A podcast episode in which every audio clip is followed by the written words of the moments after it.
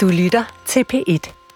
Jeg kan ikke med sikkerhed sige, at jeg nogensinde har prøvet at hade nogen. Da jeg var barn, der skrev jeg i min dagbog, at jeg meget gerne ville prøve at hade nogen, fordi jeg forestillede mig, at det ville føles sådan rigtig spændende og dramatisk.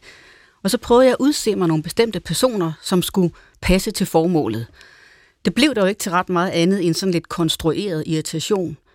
Til gengæld, så har jeg som voksen erfaret, at netop den her stærke irritation kan glide over i en form for foragt, der måske kan komme til at minde om had, hvis man ikke er bevidst om de negative kræfter, man bærer på.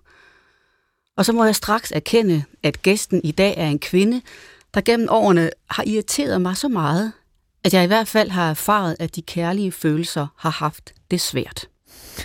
Mit navn er Sorine Godfredsen, og vi er i gang med endnu et afsnit af Sorine og Kærligheden. Det er programserien, hvor jeg undersøger kærlighedens gådefulde væsen, der jo også kan være med til at belyse det modsatte, nemlig hadets væsen. Ligesom det kan tvinge en til at overveje, hvad det vil sige at prøve at forstå den, der har udtrykt had og ringeagt for ens person. Det er noget, du forsøger, generalsekretær for organisationen Brobyggerne, Øslem Sikic, blandt andet ved at invitere dine modstandere på den berømte kop dialogkaffe, som jeg også selv har været inviteret til, fordi vi to har gennem årene diskuteret meget, ikke mindst angående islams rolle i Danmark, og jeg har, det må jeg erkende, af og til på skrift behandlet dig en lille smule nådesløst. Alligevel så sidder du nu her i mit program, og vi skal tale om had og kærlighed til ens fjende. Velkommen til dig. Tusind tak. Øslem, har du selv haft en oplevelse af, at jeg har næret et eller andet, en eller anden form for had til dig? Jeg ved ikke, om det har været had. Det er måske et meget stærkt ord, fordi had indikerer jo også, at man gerne vil til intet gøre det andet menneske. Men øh, jeg har i hvert fald kunne mærke, at øh, der ikke var så meget kærlighed fra din side. Og jeg kan også godt huske en gang, hvor vi var i debat, også i det her hus, øh, og, øh, og da vi så gik fra hinanden, og jeg skulle igennem, øh, altså jeg skulle ned ad den her rulletrappe, så sagde journalisten, det var lidt hårdt, eller det gik lidt hårdt for sig, og så fik jeg sådan en klump i halsen, og så græd jeg. Øh, og det var faktisk første gang efter en debat, og, øh, og det var simpelthen, det var for hårdt på en eller anden måde, og jeg kunne simpelthen ikke forstå, hvorfor du ikke kunne lide mig. det vil jeg gerne prøve at forklare dig, fordi øhm, jeg har tænkt meget over inden det her program, hvad det egentlig er, der gør, at man i synet på et andet menneske kan blive opfyldt af så stor antipati, ja. at man næsten kan få lyst til at såre personen. Mm. Det er ganske frygteligt, men det er jo sådan, det er.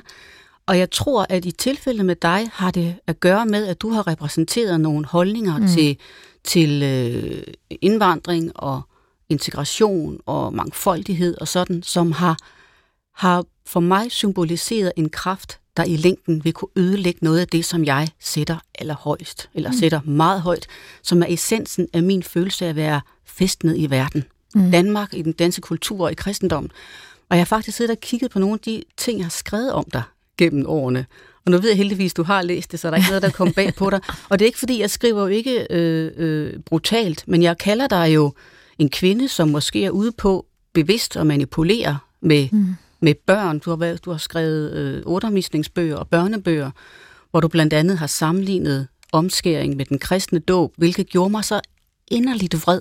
Mm. Fordi du der var inde og pille ved noget af det, som jeg simpelthen synes er, er nerven i den danske identitet. Mm. Øh, og hvor jeg så fik en fornemmelse af, at en som dig kan ødelægge det, vi har her og jeg anklagede dig for at udfolde egoistisk selvrealisering pakket ind i pæne ord om mangfoldighed, og du havde en overfladisk tilgang til landet, og du tiltog dig retten til at give den videre til andre, og så videre, og så videre. Mm. Så jeg tror, det har noget at gøre med, når du spørger, hvorfor man kan få sådan en følelse for et andet menneske, så tror jeg, det har noget at gøre med, at man bliver så bange for at miste det, man har. Mm. At man udser sig nogen, som man kan fordømme, og som man kan anklage for at være dem, der vil tage det fra en. Ja, men problemet har jo været, Sorine, at der er faktisk meget, vi er enige om, os to. Øh, men nogle gange, så kan man på forhånd dømme hinanden så meget, så man ikke rigtig kan se det, der, det der også kan binde en sammen. Fordi efter den øh, samtale, eller den debat, vi havde, øh, så, tænkte jeg, at næste gang jeg mødte dig, så vil jeg slet ikke tale om det, der skilte os ad. Så jeg vil prøve faktisk at lære dig at kende, også fordi de mennesker, som jeg holdt meget af, øh, for eksempel en Henrik Højlund, som er præst øh, og har ret stærk tilknytning til Indre Mission, eller øh, det kan være, hvad ved jeg, øh, Flemming Rose, eller nogle andre, som, som kender dig måske mere, end jeg kender dig, som synes gode ting om dig, så tænkte jeg, jeg bliver nødt til at lære hende bedre at kende. Som vi mødtes jo til ungdoms folkemøde, du kan sikkert måske ikke huske det, og der spurgte jeg dig om alt muligt andet. Øh, jeg spurgte dig, hvad du lavede, og hvad du, øh, altså, øh, hvad du brugte din tid på, og, og der kan jeg huske, at der var du blevet nyforelsket øh, øh, med den mand, du skal så giftes med nu, og, og det talte vi om, og så gik jeg derfra og tænkte, ej, hvor var det dejligt. Faktisk ikke hver eneste gang, man så dig, at vi skulle skændes. Men der lærte jeg da også en lille smule mere at kende end alene de holdninger, vi to kan være enige, uenige om. Men følelsen af fordømmelse, som vi skiltes med den dag, mm. du nævnt før, øh, hvor, havde du ikke ikke dig lyst til at dømme den anden vej? Altså, det er virkelig noget, jeg prøver at øve mig i at gøre. Øh, det er svært, fordi øh, den smerte, jeg følte, jeg tænkte bagefter, den må du jo også føle, og det fortæller du også. Altså, du bliver simpelthen så ej over det, jeg siger, så du rødder tænker, nu kvæler jeg hende, eller et eller andet, ikke? Og, øh, og det mest nemme er jo faktisk at bare gengælde den, for det smerte tit giver jo smerte. Og øh, jo, hvis du havde mødt mig tidligere, så havde jeg gjort det samme, og så havde jeg stemplet dig som racist, og så havde jeg puttet dig i en kasse, og så har jeg sagt muslimhader, så behøvede jeg jo slet ikke at forholde mig til dig. Men alligevel var jeg lidt nysgerrig på, hvorfor var der nogle mennesker, der kunne se noget andet i dig, som jeg ikke kunne se. Så det måtte jo også handle om mig. På en eller anden måde, hvis jeg kiggede godt nok efter. Øh, og det var ligesom alt det, jeg laver. Hvordan kan man tage et personligt ansvar? Jeg kunne altid sige, at det var bare din skyld. Øhm. Men jeg vil sige, at øh, nu spørger du om det her med, om fordømmelsen også gjorde mig ked af det. Fordømmelse gør to ting ved mig. Det ene er, at jeg bliver en del af mig ked af det, fordi det er bare generelt ubehageligt mm. at have så meget negativt mellem to mennesker. Og den anden del af mig bliver endnu mere kampberedt, og endnu mere sådan mm. øh, insisterende på, at det er mig, der har ret. Altså, der, der er to spor mm. i det. Og det, det kommer vi lidt tilbage til, faktisk, ja. øh, om lidt. Jeg skal lige præsentere programmet færdigt og sige, at der, det siges ofte, at had og kærlighed er to følelser, der følges ad, og nærmest sådan umærkeligt kan glide over hinanden. Og jeg har faktisk stadig til gode, synes jeg, at kunne konstatere, om det er sandt. Og jeg skal, som du allerede har afsløret, øh, Øslem giftes her til mig, og derfor så er jeg færd med for alvor at lære kærlighedens dybde at kende, men hadets dybde, det forekommer mig altså lidt mere uklart. Til gengæld apropos det, vi lige taler om, så ved jeg, at det er min opgave at kunne også nære varme følelser for dem, som jeg anser for at være min fjende, og vende det negative indeni til velvilje. Det siger kristendommen, og det siger teolog og filosof Søren Kirkegaard, der er min trofaste følgesvend og vejleder i livet, og dermed også i de her programmer. Hans værk, Kærlighedens Gerninger, ligger lige her ved siden af, og vi kommer helt sikkert også til at spørge Kirkegaard til råds i dag. Og som altid, så skal jeg komme med et postulat, og nu skal du holde ørerne stive, for nu mm. kommer jeg med en påstand, som vi kommer til at vende tilbage til. Og den lyder sådan her. Når man opsøger den, der har udtrykt had til en, så kan man være mere optaget af at udfylde rollen som den gode og rumlige, end at finde ud af, hvem den anden egentlig er. Hvad synes du om det postulat? Det er fuldstændig rigtigt. Altså, jeg har brugt øh, 10 år af mit liv på at opsøge mennesker, som sendte hademails, og i starten, det var det, der var målet. Så kunne jeg jo besøge dem, og, fordi de var jo det onde, og så var jeg jo selvfølgelig på automatik den gode, og så kunne de jo se mig, og jeg kunne gøre den gode, og så kunne man jo også eventuelt skrive en kronik i Godhedens Avis, politikken, så kunne alle andre også se, hvor god man selv var, og så kunne man fortælle om de andre, at man havde mødtes, og så kunne de sige, nej, hvor du modig, og, og så kunne man sådan lidt øh, sole sig i, i den der godhed. Øh, Problemet med det var, at fokus var jo kun på mig. Altså fokus var jo ikke, hvilken menneske mødte jeg, hvilken dør øh, trådte jeg ind i, hvor var nysgerrigheden, og det er først der, hvor det ligesom gik op for mig, der var et eller andet kvalmende i den der måde, man soler sig i sin egen godhed, så skete der faktisk noget. Hvor lang tid var du om at opdage det, at der var noget galt med fokus?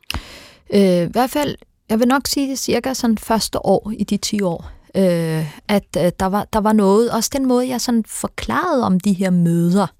Altså helt i starten, der fortalte jeg jo om det til, på Facebook for eksempel. Jeg tog til de der møder, og, øh, og så øh, kunne jeg elskede jeg at læse de her kommentarer, hvor alle fortalte, jeg var, jeg var, ej, hvor var jeg modig. Altså. Og så, så skete der bare et eller andet, som gjorde, at det holdt jeg op med, fordi jeg kunne simpelthen, jeg kunne se, at der var jo mange, der skrev enormt dårlige ting om de mennesker, jeg besøgte, som i øvrigt var modigere end mig. Fordi det var dem, der åbnede døren. Og det kunne jeg næsten ikke være i, fordi de havde jo serveret kaffe. Jeg havde delt en kop kaffe med dem, og de havde behandlet mig ordentligt. De havde været gode værter. Og så tænkte jeg, hmm, hvad er det så nu, jeg virkelig bidrager til? Og det gjorde jeg stille og roligt faktisk fuldstændig ændrede den måde, jeg arbejdede med dialogkaffe. Vi skal lige have historien øh, lidt forfra, fordi jeg skal lige præsentere dig lidt grundigere. Øh, Øslem, du er født i Ankara i Tyrkiet, og din familie har kurdiske rødder. I kom her til Danmark, da du var 10 år gammel. Så blev du uddannet sygeplejerske og har arbejdet med psykisk syge børn og unge. Og i 2007 kom du i Folketinget for SF og sad der med forskellige ordførerskaber frem til 2015. Og siden da har du levet af at skrive og tale rigtig meget om dialog og demokrati, og du har også optrådt på den meget internationalt anerkendte TED Talk og mm. rejst rundt med det. Og så er du altså i dag generalsekretær for den organisation, der hedder Brobyggerne. Og for lige at få lidt rød tråd i det, så synes jeg, du skal prøve at fortælle, øh, hvad der skete, da du kom i Folketinget i 2007, og du simpelthen begyndte at modtage mails fra mennesker, du slet ikke kendte, som ikke var så venlige. Ja, og det var jo, altså, jeg kan huske min første optræden i Folketings øh, talerstol, og, øh, og jeg kan huske, at jeg satte mig ned, og, og så var der jo to mails fra borgere, der havde set, øh, eller Folketings TV, det er jo i sig selv et chok, der er nogen, der ser den tv-station. Men at øh, så var der en, der skrev, hvad laver en terrorist som dig på landets allerhelligste talerstol, og den anden, jeg tror det var perkerrotte eller perkerluder. Sidenhen er det gået op for mig, at det danske sprog er meget, meget mangfoldigt på skældsord. Så jeg slettede dem, fordi jeg tænkte, de forstår ikke mig, jeg forstår ikke dem. Men det, der selvfølgelig var interessant, det var, at øh, for nogen var det jo en ren, altså det var en stor provokation, at der stod en kvinde, ung kvinde, minoritetsbaggrund, muslim, på den talerstol, fordi jeg var en af de første kvinder. Så øh, en lang periode fik jeg de her hadmails, som også blev altså folk kom også med den ind i min private postkasse derhjemme, øh, uden frimærk, så de havde nærmest sådan været forbi. Og så gik de over til at blive trusler. Øh, så fik jeg hemmelige adresser, sagerne endte i politiet, nogle endte i retten, nogle endte i PT. Og, øh, og, og den periode var benhård, fordi at øh, det var helt tydeligt, der var nogen, der havde mig. Øh, jeg fik gardiner for eksempel, øh, derhjemme, og det er fordi, vi boede i et rækkehuskvarter, og der var en, der ville skyde mig.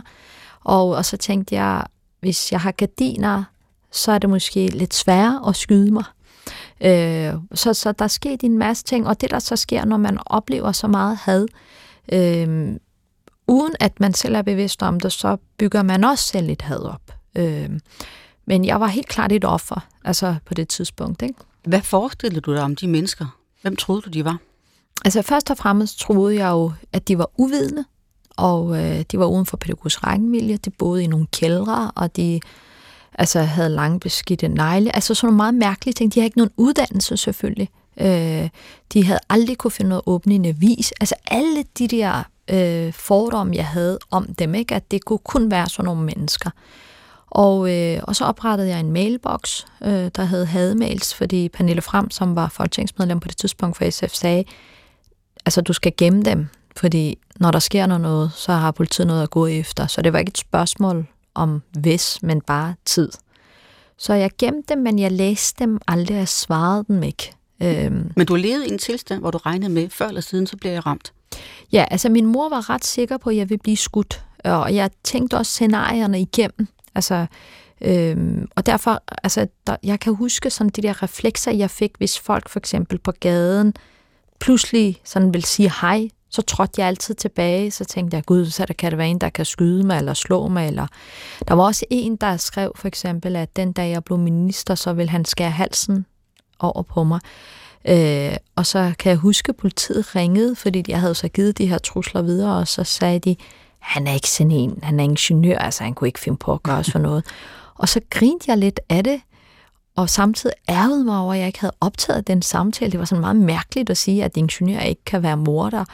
Men den, altså, den periode var jo sådan ret underlig, fordi man er sådan lidt et alarmberedskab. Og så på den ene side, så skal du ikke skræmme livet af dine for, gamle forældre, og din mand, og mine forældre blev ved med at sige, træk dig, træk dig, træk dig fra politik. Og på den anden side, så skal du heller ikke bukke under. Altså, så du skal heller ikke være for meget offer. Altså, du skal også stå med oprejst pande, selvom at angsten sådan stille og roligt spiser en mm. nedefra. Jeg tog tid, for eksempel, øh, fra min parkeringsplads og hjem. Sat, og det tog mig 23 sekunder at komme hjem. Og så skrev jeg jo så til min mand og sagde, nu har jeg taget tid, så hvis nu, nu luk, lukker jeg min bildør, så hvis jeg ikke er hjemme inden for 23 sekunder, så skal du kigge ud. Så det var bare, altså jeg ventede bare på, at der ville faktisk øh, ske noget, ikke? Men så i stedet for at blive ved med at vente, så gjorde du noget, og du beskriver i din bog, øh, hvorfor hader han dig, mor? Hvordan du øh, øh, faktisk jo prøver at vende seancen om, så det er dig, der handler. Ja, og angst er jo ekstremt irrationel. Altså, når man er i det, så bliver man sådan helt fanget af den, og selvom altså, politikerne siger, at vi skal ikke være bange, når terren rammer, vi skal leve, som vi plejer, men det er jo noget bullshit, fordi selvfølgelig rammer det en, og man, øh, man tager nogle forholdsregler, man bliver mere opmærksom, og det gør jeg jo også. Og, øh, og så startede der en chikane af en nynazist, som varede i otte måneder, og, øh, den, og han havde pædofile tendenser på nettet. Så blev jeg ramt på en, på en helt anden dimension, fordi jeg havde børn mm. så var det ikke længere mig, der, der bare kunne få en kugle, hvis man i gåseøjne, men de, der kunne ske dem noget. Så var jeg zoologisk have en dag, og, og så ringede han, han kunne ringe op til 40 gange på en dag, og så var jeg overbevist om, at han så mine børn. Han må have været der, så jeg ville hjem. Øhm, og, og det var der så, hvor min ældste, som var ni år på det tidspunkt, spurgte, hvorfor hader han dig, mor, når han ikke engang kender dig? Øhm, og der sagde jeg jo så begavet, at det er fordi nogle mennesker er dumme. og så talte jeg faktisk med Jakob Holt om det, som er fotograf og har dokumenteret racismen blandt sorte. Ja, og som skrev om, ja. eller lavede amerikanske billeder. Ja, og det ja. var ham, der for første gang sagde til mig, gå nu ud og møde dem. Og, hans, og jeg spurgte ham, hvorfor, så sagde han, så kan du selv opdage, hvor stor racist du selv er. Jeg tænkte, han har slet ikke lyttet til, hvad jeg har sagt. Jeg er jo ikke racist, og så sagde han, hold op. Hvor mange venner har du, som stemmer Dansk Folkeparti?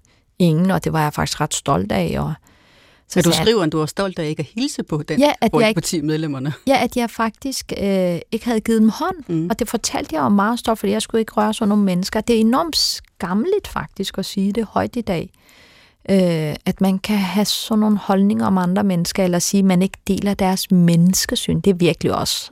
Må jeg lige spørge dig, Øslem, når du beslutter med dig selv, jeg vil ikke give hånd til et menneske fra Dansk Folkeparti, var det så fordi, at du nærede had til det menneske, eller foragt? Foragt. Altså foragt, sådan, ja. De kunne ikke lide sådan nogen som mig, og de havde et menneskesyn, jeg ikke delte, og derfor skulle jeg ikke røre dem. Altså for mig handlede det også om, det er også derfor nogle gange, når jeg hører venstrefløjen sige, eller når de kritiserer mig for at blåstemple og legitimere, når jeg for eksempel viser empati for Christian Tusinddal, der står i en svær situation hver aften. Altså, de argumenter, de bruger, dem brugte jeg selv. Altså, det ville være sådan en blåstempling, hvis jeg stod ved siden af dem, og hvis jeg egentlig stod der, så skulle folk i det mindste ikke se, at jeg havde det sjovt, for det kunne man ikke have med de mennesker. Og det, så jeg, jeg kender godt hadets DNA, fordi jeg har, jeg har haft den ekstremt tæt på selv. Og måske også derfor er jeg blevet bedre til at være brobygger. Altså, jeg ved det ikke. Øhm, og, øh, og så var det der, hvor Jacob holdt sagde, mød dem. Men, men mit formål var jo ikke, at jeg skulle øh, møde noget i mig selv, fordi jeg var jo ikke racist, men jeg kunne måske med min godhed gøre dem gode. Så det var mit udgangspunkt. Jeg skal lige spørge gang. helt øh, nysgerrigt. Øhm, skulle du ikke virkelig overvinde dig til at kontakte de mennesker? Altså, jeg havde mange... Øh, både jo, både ja og nej, fordi på den ene side ville det være godt at skrive en kronik, så det var jo et projekt. Altså, det var ikke menneske til menneske, men hvis jeg skrev en kronik om det her det ville være rigtig godt. Ikke? Og selvfølgelig i politikken, som sagt. Øh, og på den anden side var det jo også sådan, åh, det, altså jeg skulle også ligesom, der var også noget prakt, praktik i det, fordi jeg skulle ligesom overtale min mand til, hvorfor det ville være en god idé. Men tænkte du, Øslem, nu bliver jeg meget nysgerrig, tænkte du, det her vil simpelthen fremme min karriere, hvis jeg gør det her? Jeg tror, det, altså nej, ikke så meget karriere. Jeg tænkte mest på, altså det er lidt, altså jeg er uddannet sygeplejerske, ikke? Der er sådan lidt, øh, der er sådan lidt frelseren i en, ikke? At man kommer og, og så altså, ville det jo kun være godt, hvis det også sagde undskyld, ikke? Øh, men, men jeg, jeg skrev faktisk aldrig nogensinde den kronik, og der gik to år, øh, før jeg fortalte det til nogen. Altså, det er først efter to år, hvor politikken lavede faktisk en artikel om min venskab med Ingolf, som var den første, jeg mm. besøgte. Lad os lige høre om besøget hos ham. Øh, besøget hos ham er jo sådan... Øh, jeg vågner om morgenen, er enormt bange, øh, og jeg får alt muligt sådan nogle... Altså, jeg kommer ind, han tager kvælertag, eller jeg træder ind, og han spytter på mig, eller jeg kommer i et rum, der er lugter, og noget, der minder om afføring. Så, altså, de der fordomme er jo så stærke, så jeg laver en aftale med min mand, som i øvrigt er dybt uenig. Altså han kan simpelthen ikke forstå, hvorfor jeg skal udsætte mig selv, eller børnene, eller ham for det her. Så vi, jeg skriver hans adresse ned, mit telefonnummer, og hvis jeg, hvis han ikke har hørt fra mig efter en time, så må han gerne ringe til politiet. Så jeg kysser ham, som om det er sidste gang, jeg skal møde ham. Så jeg tager der over. Jeg tager noget mad med, fordi... Og det har jeg gjort i 10 år, fordi der, hvor der er mad, er der fred. Altså det er virkelig min... Der sker noget med os, når vi spiser sammen, ikke? Og, øh, og jeg også, altså der, der er også sådan en utrolig nysgerrighed generelt i mig. Altså jeg, jeg, jeg kan ikke lade være. Jeg har for eksempel lige blevet kontaktet af en, som er ret ekstrem. Og folk har sådan islamistisk ekstrem, ikke? Og mange har sagt til mig, lad være med at mødes med ham. Han er kun ude efter at misbruge dig. Jeg kan simpelthen ikke lade være. Altså, hvorfor er det, han vil mødes med mig? Jeg bliver simpelthen for nysgerrig, sådan havde jeg det også lidt med Ingolf. Hvorfor er det han? Hvorfor har han sagt ja? Hvordan bor han?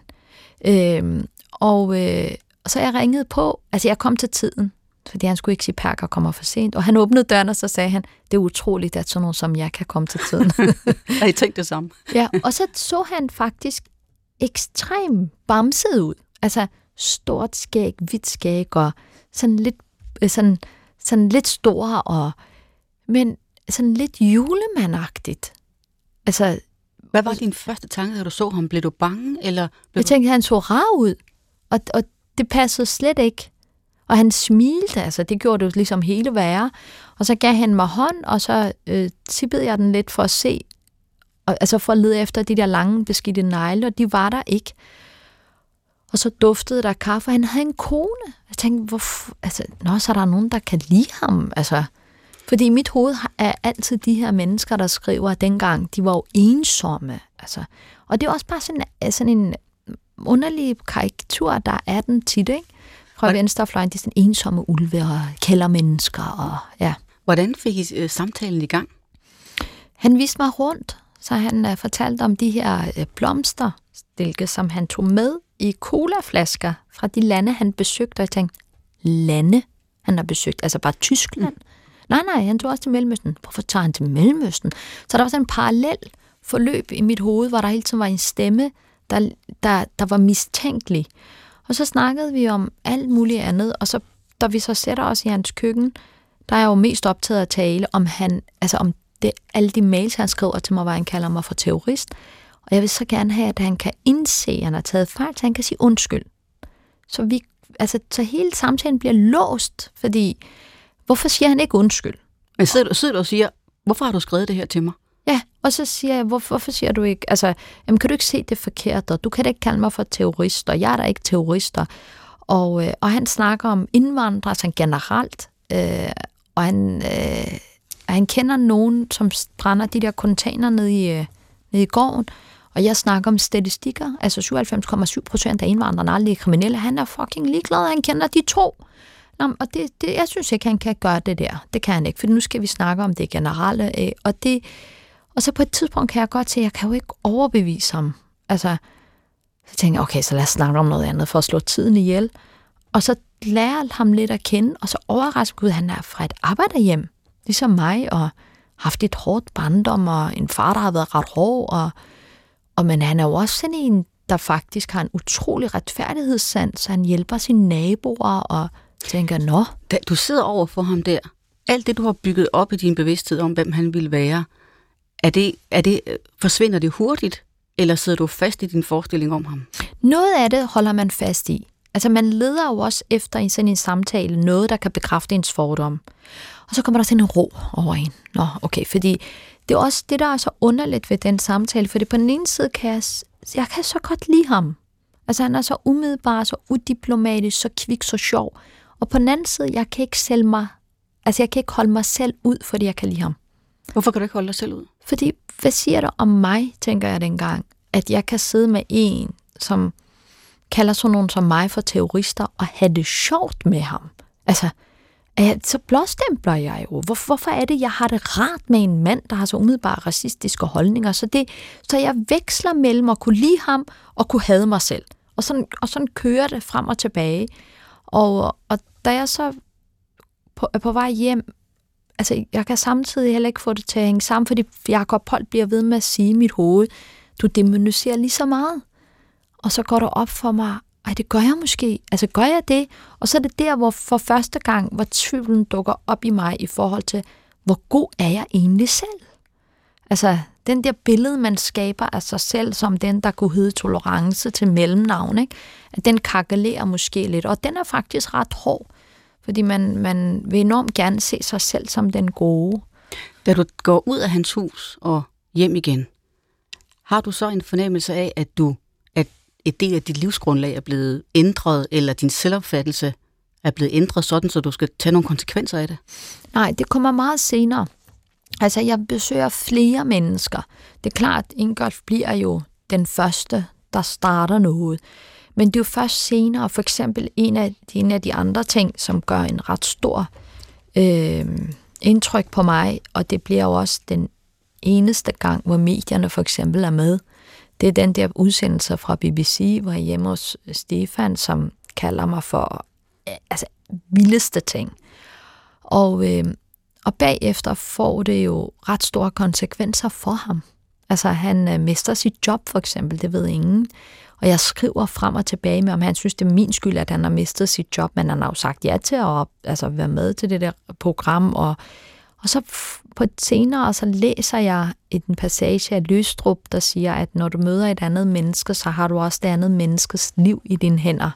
K.E. Løstrup, som er en ja. stor teolog for det forrige århundrede, og det der citat er meget berømt af ham, hvor han jo prøver at understrege, at du, du er aldrig i en relation til nogen, selvom den må føles nok så fjern, uden at du øh, bærer en del af det menneskeskæbne i dine hænder. Ja, og der går det op for mig, at jeg har et helt særligt ansvar over for de mennesker, og, og, øh, og så, så min erkendelse kommer sådan løbende, fordi altså, den her erkendelse er det jo lidt ligesom lykke. Det er jo ikke sådan, at man er i en tilstand af lykke konstant. Så nogle gange er den, der du kan godt mærke, det er et eller andet helt vildt dejligt. Øh, og andre gange, så leder du efter den, og nogle gange har du den ikke. Og sådan er det også med den her erkendelse. Nogle gange kan jeg godt se, at her der er der noget, jeg skal arbejde med. Altså, Hvad så, når du kommer tilbage til det, til det selvgode sprog, og, øh, og alle de der for, øh, betragtninger, du, der er blandt politikere, blandt andet på venstrefløjen, som du beskrev før, at der er noget, der er indlysende ondt, noget indlysende godt. Hvordan lyder det så i dit hoved nu? Altså, det lyder rigtig svært. Det er også derfor, hvor jeg bliver... Jeg kan godt se, at det der ekokammer, jeg selv har været en del af, jeg bliver nødt til at få nogle, øh, nogle nye venner også. Altså, jeg bliver også nødt til at prøve at komme ud på den bro og tale med nogle mennesker, som mener det omvendte. Det er derfor, at du har sikkert ikke bemærket det, men jeg har faktisk fulgt dig i lang tid, øh, og har prøvet at forstå, hvorfor du skriver og siger de ting, du gør. Og du er jo en, der virkelig kan få, altså på en eller anden måde er du ret god til det der hadmagnet. Altså der er mange, der, der faktisk nærmest hader dig. Det har jeg jo bemærket, fordi nogle gange så har jeg jo sådan, jeg har siddet med nogle venner, og så har jeg sådan refereret til et, en, en citat, du har sagt, eller nogle gange har jeg faktisk forsvaret dig på, på Twitter, hvor folk går helt amok, og der er det jo ligesom gået op for mig, jeg bliver nødt til også have nogen, der ser tingene fra den anden side. Og det har hjulpet mig i den grad. Altså selv den der øh, især på venstrefløjen, er der jo sådan lidt patent på det gode menneske. Mm. Øh, altså jeg synes for eksempel, Flemming Rose er en af de fineste mennesker, jeg kender. Øh, og, øh, og det er jo først, når man så får nogle venner fra den anden fløj, hvis man må kalde det. Altså jeg synes også, at de der fløje er lidt mærkelige. Øh, så opdager man, at hadet eksisterer i alle os. Altså øh, ligesom ondskaben også gør det. Den har altså ikke et, øh, et bestemt farve. Nu siger du før det der med, at, at du har opdaget, at der er mange, der hader mig, og det, jeg ved ikke præcis hvorfor, men det, jeg kommer ikke så meget på de digitale medier, men det har selvfølgelig noget at gøre med mine politiske holdninger og min måde at tale på osv. Men i, din, i, din, øh, i den her fase, har du fået et andet, har du fået en anden idé om, hvad had er? Ja, altså, øh, jeg tror, altså nu havde vi et hadforsker, øh, jeg snakkede med en hadforsker forleden, som fortalte, at forskellen mellem had og vrede var jo, at hadet vil gerne altså til intet gøre det andet menneske. Ikke? Øhm, men der er jo selvfølgelig også forskellige grader had også. Altså, den behøver ikke at så voldsomt. Der er jo også lidt mindre had. Og had er jo også noget, der kommer og går. Altså, det er jo det fede ved det, at den ikke er fastlåst, så du hader, og det gør du altid. Så du kan faktisk godt gøre noget ved det. Og, øh, og der kan jeg jo godt se, at øh, altså de mennesker, som som jeg har troet har hadet mig, de oplever også rigtig meget had. Altså, og jeg har også haft et helt andet altså, øh, forhold til kærlighed også. Altså det der med, at man i Danmark er jo meget påpasselige med at sige, at man elsker et andet menneske. Men for eksempel på tyrkisk, det siger man jo også til venner. Jeg elsker dig, eller ej, ved du hvad, du er så sød, jeg elsker dig. Altså det er sådan en helt anden måde at dele sin kærlighed på, ikke? Øh, og det skal man virkelig passe på med, når man siger det i Danmark, for folk kan godt tænke, at hun skyr, eller hvad fanden sker der her? Ikke? Men øh, altså de mennesker, jeg besøgte i starten, som jeg også nærede et had til, jeg holder af dem i dag. Altså, øh, og det, altså, og også er, der, er der slet ikke noget had tilbage? At, hvis man begynder at holde af et menneske, udkonkurrerer kærligheden så hadet? Åh, det er virkelig et godt spørgsmål. I perioder kan man godt blive sådan helt opslugt af en vrede eller en afmagt. Der er en, jeg har kendt i mange, mange år nu. Kim, som er så i bogen. Ikke? Og, øh, og så forleden skrev jeg til ham, Kim, vi kommer ikke videre. Altså, det var, vi, vi, jeg, jeg kan ikke blive ved med at tale med dig. Det er så hårdt, det her. Øh, og, øh, og jeg holder virkelig meget af ham. Øh, men han siger, at han hader mig ikke. Men jeg oplever heller ikke en kærlighed altså den anden vej. Så det bliver, det er sådan en enormt svær tilstand, synes jeg, øh, med, med hadet, men også med kærligheden, altså hvad man skal gøre af den. Nu skal vi lige have øh, en, en lille afstikker til Bibelen, mm. for øh, når vi i når vi har den her samtale om had og kærlighed, og om at have en relation til sin fjende, så er det i hvert fald for mit vedkommende også, har det også at gøre med, at det er en helt central ting i det nye testamente. I bjergprædikenen fra Matteus evangeliet, hvor Jesus han øh, sætter kærlighedsbudet helt på spidsen og starter med at sige, I har hørt, at der er sagt. Og hver gang Jesus siger det, så henviser han til den gamle jødelov og det, som kom forud, altså fra det gamle testamente. I har hørt, at der er sagt, du skal elske din næste og hade din fjende. Men jeg siger, elsk jeres fjender og bed for dem, der forfølger jer, for at I må være jeres himmelske fars børn for han lader sin sol stå op over onde og gode, lader det regne over retfærdige og uretfærdige. Hvis I kun elsker dem, der elsker jer, hvad løn kan I så vente? Amen. Ja, og derfor så har jeg lyst til at spørge dig, nu har du sat, du har jo sat det i system næsten det her med mm. at prøve at skabe samtale med din, øh, med din brobyggervirksomhed og din dialogkaffe osv. Er det en, er du inspireret af det her, at man skal elske, prøve at elske dem, der er længst væk. Man skal virkelig prøve at forstå den anden, der er længst væk. Altså elske er måske et utroligt stort krav. Øh, ligesom tolerance. Altså det, det, det er virkelig, det kræver noget af det enkelte menneske. Og, øh, men tænk, hvis man på en eller anden måde kunne lære folk, eller træne dem op, eller uddanne dem til at være mere tolerante, mere forstående, mere lyttende øh, så vil man måske komme bare en lille smule tættere på øh, at kunne gå ud på broen. Og problemet i dag er jo, at mange tror jo på, at de står for det rigtige. Altså, du startede med at sige, at du havde ret. Altså, man, man kan godt få den følelse. Og så vil man gerne have, at den anden kommer over til en. Det er i hvert fald ikke et kærlighedsforhold, altså på den her måde. Ikke? At man siger, jeg står for det gode, det rigtige, mm. og du står for det forkerte. Øhm, men det er klart, altså, jeg er jo også inspireret af, altså, Jesus har været meget ambitiøs, vil jeg sige. Øh, jeg ved ikke, om jeg overhovedet bliver så ambitiøs, fordi der er jo nogle gange, hvor jeg også bliver udfordret, altså hvor jeg taler med nogle mennesker, hvor man tænker, øj, du er svær at holde af. Altså, eller din holdninger er svær at holde af, det er, de er svære at rumme, men, men, men tolerance er jo en utrolig smertefuld proces. Øh, Jesus han sætter høje standarder, og når han hvad hedder det, skærper budet, kærlighedsbud på den her måde, så er det både for at give os et ideal i forhold til, hvad kan man stræbe efter, men jo også for, at den enkelte skal kunne erkende alt det, vi ikke kan. Kærlighedsbuddet er med til at afsløre os som dem, der ikke kan nok. Mm. Sådan skal man altid også opfatte øh, den her, øh, især bjergprædikenen, som er øh, der, hvor tingene virkelig mm. skæres ud i pap. Så jeg håber ikke, at du vil, det med, at du, ikke, du stræber ikke så højt, det forstår jeg godt, for det er, det er kun Jesus, der kan stræbe så højt. Men det er jo for at vise os vores begrænsning. Mm. Og derfor så, det er rigtigt, tolerance er en, er en svær ting. Men som jeg indledte med at sige, så er der i hvert menneske, er jeg overbevist om, en kerne eller en drivkraft, der hele tiden næsten leder efter noget at fordømme. Fordi det er sådan, man også øh, orienterer sig i verden. Man er nødt til at have nogle, nogle punkter, man kan måle sig selv i forhold til. Og derfor så er jeg så nysgerrig efter at vide, at når du går så meget ind i tolerancens rum, og gerne vil den der dialog med folk, som du ved hader dig, eller i hvert fald er meget negativ mm. over for dig, kan det så ikke blive svært for dig at holde fast i, hvad du egentlig selv tror på og mener? Jamen, det er jo et godt spørgsmål, fordi det, det har jeg brugt rigtig lang tid på at, at finde et svar på. Altså, hvad var formålet med de her møder? Skulle de mene det samme som mig? Skulle de stemme på det samme? At var det bestemte partier, bestemte fløje? Eller hvad var det, de skulle?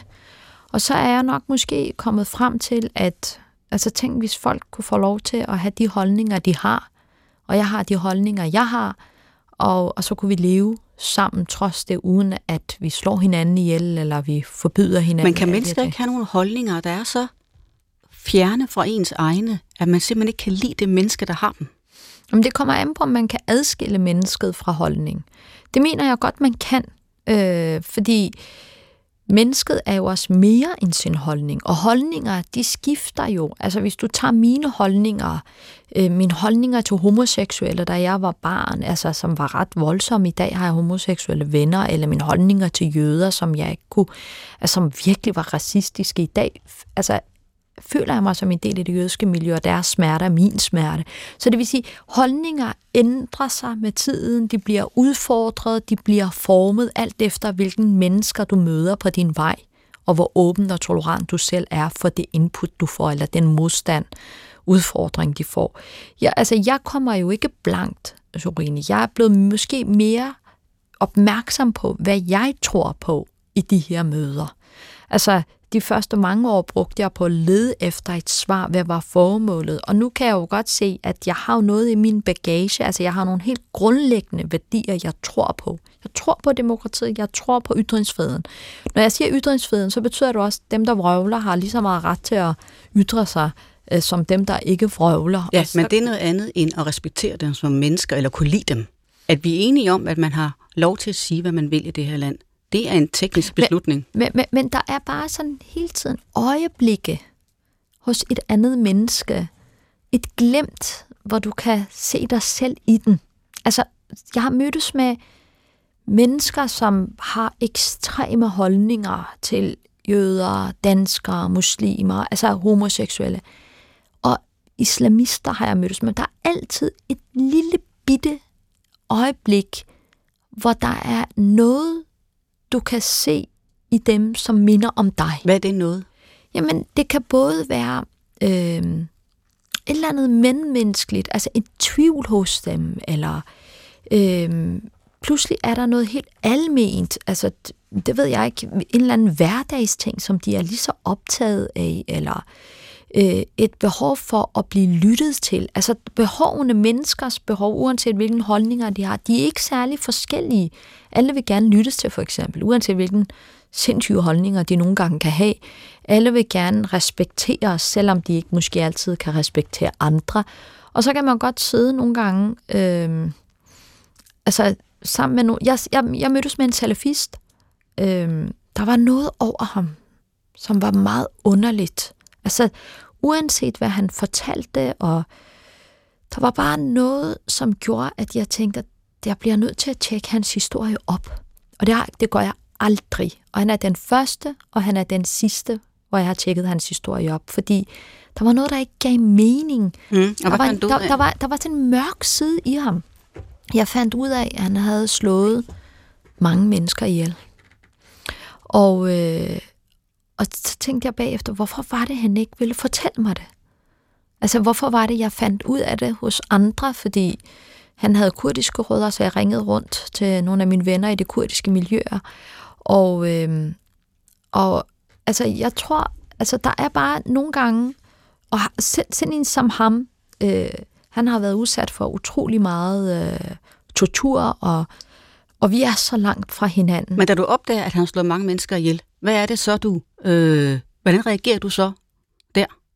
Jeg er så egoist. Så det første, jeg tænker, hvordan kan det her påvirke mig? Vil nogen i omverdenen, hvis de hørte, at jeg sidder med en, der har slået mange mennesker ihjel, vil de så tænke, at jeg blåstempler? Altså, det, det det, der er også bare så...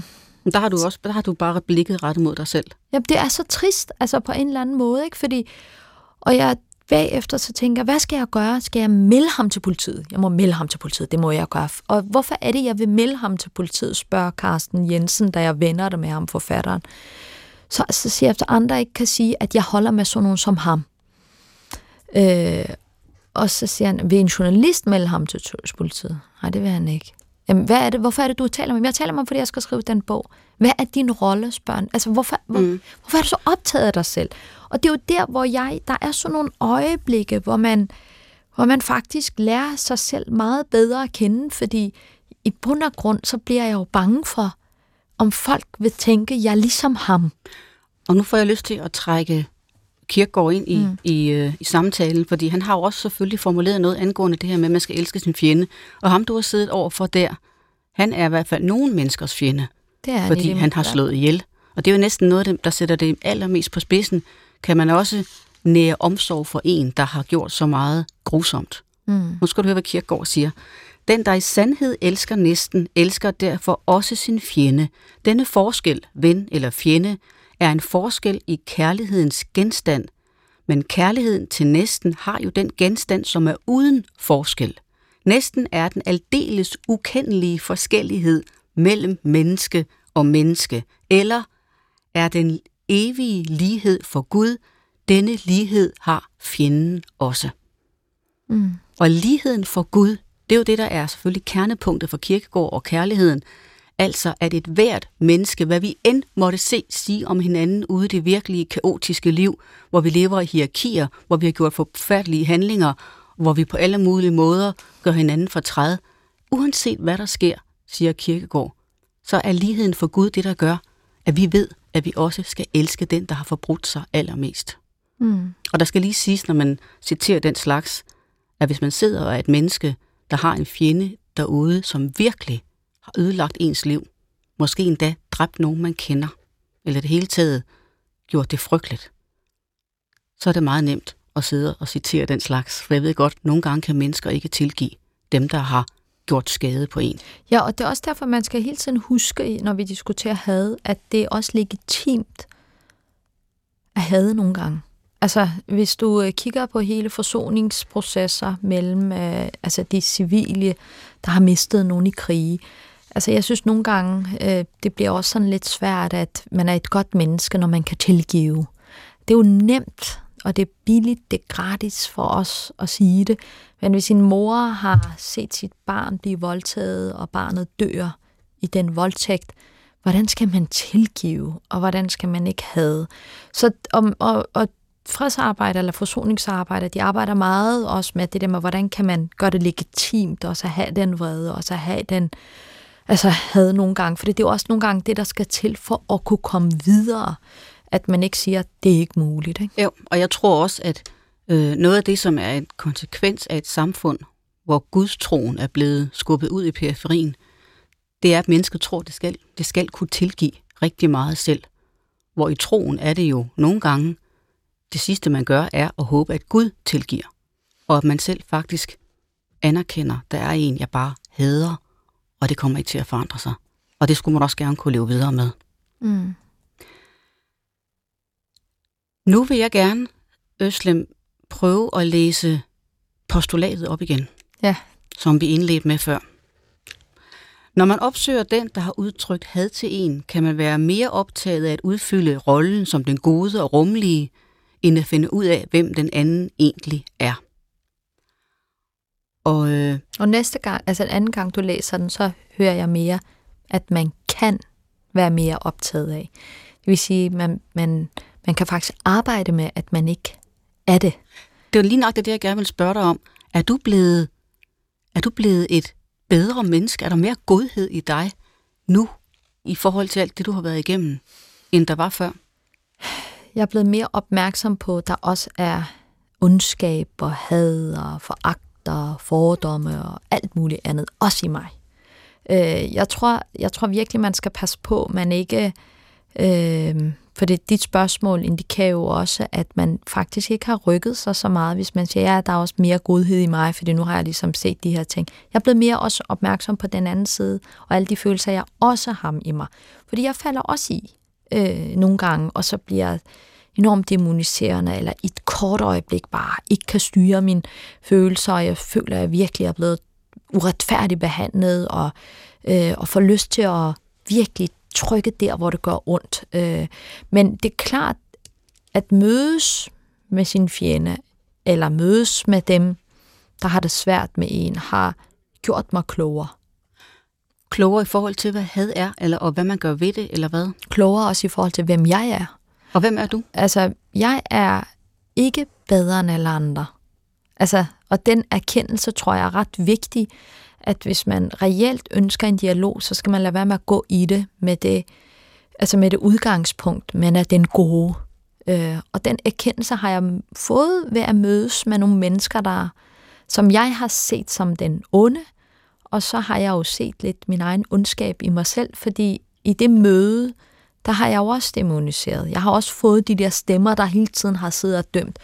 Og den erkendelse havde været godt. Og der er også mange, der tror, altså det er også derfor, journalister tit spørger, det er den dialogkaffe, siger de.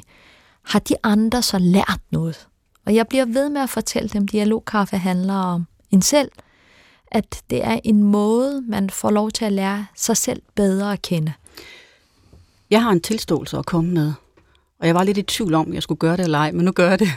Og det er, at da du begyndte på dit projekt med at have dialogkaffe, og at lave brobyggervirksomhed, der kunne jeg simpelthen mærke, at jeg håbede, at du ikke ville få succes med det.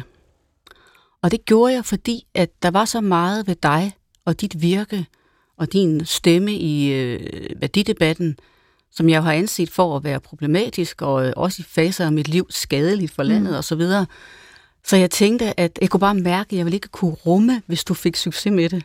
Og det, og det er jo en af de der erkendelser, man er nødt til at gøre sig hele livet, som er både trangen til at holde fast i sin dom over det andet menneske, fordi det er med til at gøre det lettere at se verden på en bestemt måde, men som også er fordi, og det er jo mit menneskesyn, der, der kommer til syne nu, fordi jeg tror, vi skal være så utrolig opmærksom på, at den der gnist af had eller fordømmelse eller enorm antipati øh, ligger bare under overfladen, mere eller mindre hele tiden. Og det er derfor, jeg er så nysgerrig efter at vide, om du om du synes, du har den mere under kontrol nu, end du havde før. Altså mere under, altså med mig selv, ja, eller hvad? med dig selv. Øhm, altså, jeg ved ikke, om jeg forstår helt dit spørgsmål. Kan du mærke, at det ligger under overfladen hos dig stadig? At du har lyst til at dømme dem, du ser på en bestemt måde? Og jeg er blevet meget bedre til ikke at dømme dem. Altså, jeg er blevet meget bedre til at vide, det er et det er en følelse, der dukker op hos mig, og jeg skal virkelig være opmærksom på den, fordi det siger ikke noget om det andet, det siger noget om mig. Mm. Og derfor er jeg, altså jeg er med, med mit arbejde, med brobyggerarbejdet, er blevet mere opmærksom på, hvor vigtigt det personlige ansvar er. Det er også derfor, når vi laver brobyggeruddannelser, vi havde jo Ole Birk fra Liberal Alliance, vi havde lært vores kursister så mange ting, og så kom han, og han sagde noget, og så bredte uroen sig, og folk kunne næsten ikke være i sig selv. Og, og da han så gik, så spurgte jeg dem, hvad sagde han, som provokerede jeg så meget? Der var 10 forskellige forklaringer. Mm. Og jeg havde skrevet ned faktisk, hvad han havde sagt. Så jeg, lyttede jo overhovedet, eller var han i en kasse på forhånd, som I havde svært ved at få ham ud af? Og så sagde jeg, kære venner, det er jo det, det hele handler om. I skal kigge indad. Og, og der er jeg nok blevet bedre til at, at, at kigge indad. I hvert fald, Øslem, så har jeg siden, at jeg ønskede, at det ikke ville lykkes for dig, og det har jeg også sagt til dig, erkendt, at jeg tror, du gør rigtig meget godt. Og efter jeg skrev postulatet til det her program, så faldt jeg over et kirkegårdscitat, som faktisk modsiger det. Og det er ikke sket før. Men nu vil jeg prøve at læse det højt for dig, ja. fordi jeg synes også, det passer på dig. Når trangen er så stor, at det er et, et hvert menneske er ham, den han ønsker at tale til, der er trangen en rigdom. Og den i hvem kærlighed til næsten er, i ham er kærligheden en trang, den dybeste. Han trænger ikke til menneskene for dog at have nogen at elske, men han trænger til at elske menneskene. Dog er der intet stolt eller hårdmodigt i denne rigdom, til Gud er mellembestemmelsen, og evighedens skal binder og styrer den mægtige trang, at den ikke farer vild og bliver til stolthed. Og det Kierkegaard han siger her, det er jo, Ej, at fint. når Gud er mellembestemmelsen, og det kan jeg jo med sindsro sige til dig, fordi jeg ved, du gør dig også religiøse overvejelser, mm. at når Gud er mellembestemmelsen, og man elsker, fordi man skal, så er det faktisk muligt, siger Kierkegaard, at drage ud i verden og insistere på at tale med en vær og elske, forsøge at elske en vær, uden at det bliver til selvdyrkelse og det indadvendte blik mm. og hårdmod, som ja. jeg siger i postulatet. Ja, og samtidig er det jo også sådan en erkendelse af, at mennesket er slet ikke så stor, som den går rundt og tror, den er. At vi i sidste ende er jo også en lille brik, og vi kan selvfølgelig have en stor betydning for det store billede, hvordan, altså det er ligesom et puslespil, hvis der pludselig manglede et brik. Øh, men, men det er også vigtigt at huske, at man er trods alt kun et menneske. Øh, du sagde noget, Sorine. Vi havde jo et podcast sammen på et tidspunkt hos Kristi Dagblad, og det var faktisk første gang, hvor du sagde noget, som jeg øh, var simpelthen så glad for. Du kan sikkert ikke huske det. Øh, vi skulle fortælle om et dilemma, og, øh, og der fortalte jeg, at øh, jeg havde hele tiden det her dilemma, når jeg altså, inviterede folk til dialogkaffe. Nogle journalister troede ikke på, at det eksisterede, så de ville gerne have beviser. Og jeg havde ligesom valgt at sige, at det ville jeg aldrig gøre. Fordi altså, jeg, skal, jeg er nødt til at passe på det andet menneske, og hvad, er, og hvad skulle være øh, motivet? Altså, jeg kunne fortælle, hvor god jeg var. Altså, så det havde jeg ligesom valgt at sige. Så får man ikke den omtale. Det vigtigste er, at jeg passer på det andet menneske. Og der anerkendte du det. Og, og du sagde, det er, så det, det, er, det, er det, det er det rigtig fint, at du bliver ved med at holde fast i det. Det er derfor, det her bliver så troværdigt, sagde du. Så den der anerkendelse, du sagde, hvordan er det, man på en eller anden måde også kan styre den der trang til at være det gode. Når man har også nogle mennesker omkring sig, som også siger, det du gør, er det rigtige, så bliver det jo også sådan en, altså de der forskellige bemærkninger, øh, anerkendelse, man får på sin vej, også sådan lidt en følgesvend, sådan en vejviser til at sige, husk det nu. Ikke? Husk det nu. Og det her tilfælde betyder det noget, det kom fra dig, og ikke nogle af mine sædvanlige venner, som vil sige, det er godt, du er så god i forvejen. Ikke? Øhm, og det tror jeg, man hele tiden skal huske sig på, at når man altså feltet mellem kærlighed og had, at man også nogle gange måske selv er ikke så, så ren, som man tror. Mm-hmm. Øhm, ja. Giver det mening? Ja, altså, giver det det mening, mening, alt det, vi snakker om? Feltet mellem kærlighed og had er, nu nævnte jeg selv i indledningen, at nogen siger, at det glider over i hinanden. Det ved jeg ikke, om det gør. Men jeg tror, at øh, ens egen oplevelse af at være en, der elsker, og en, der hader, er hele tiden i bevægelse.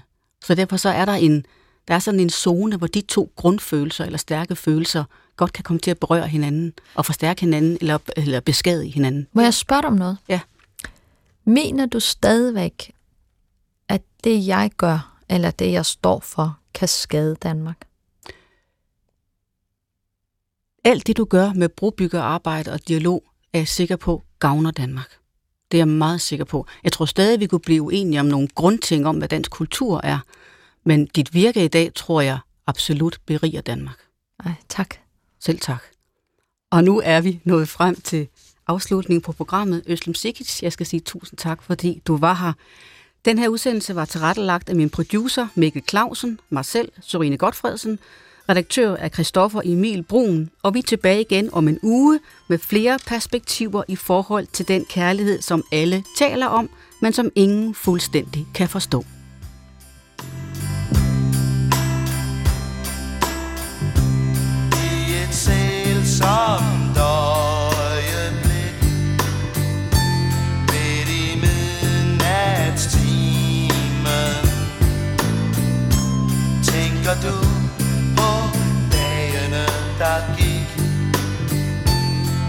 Og forsvandt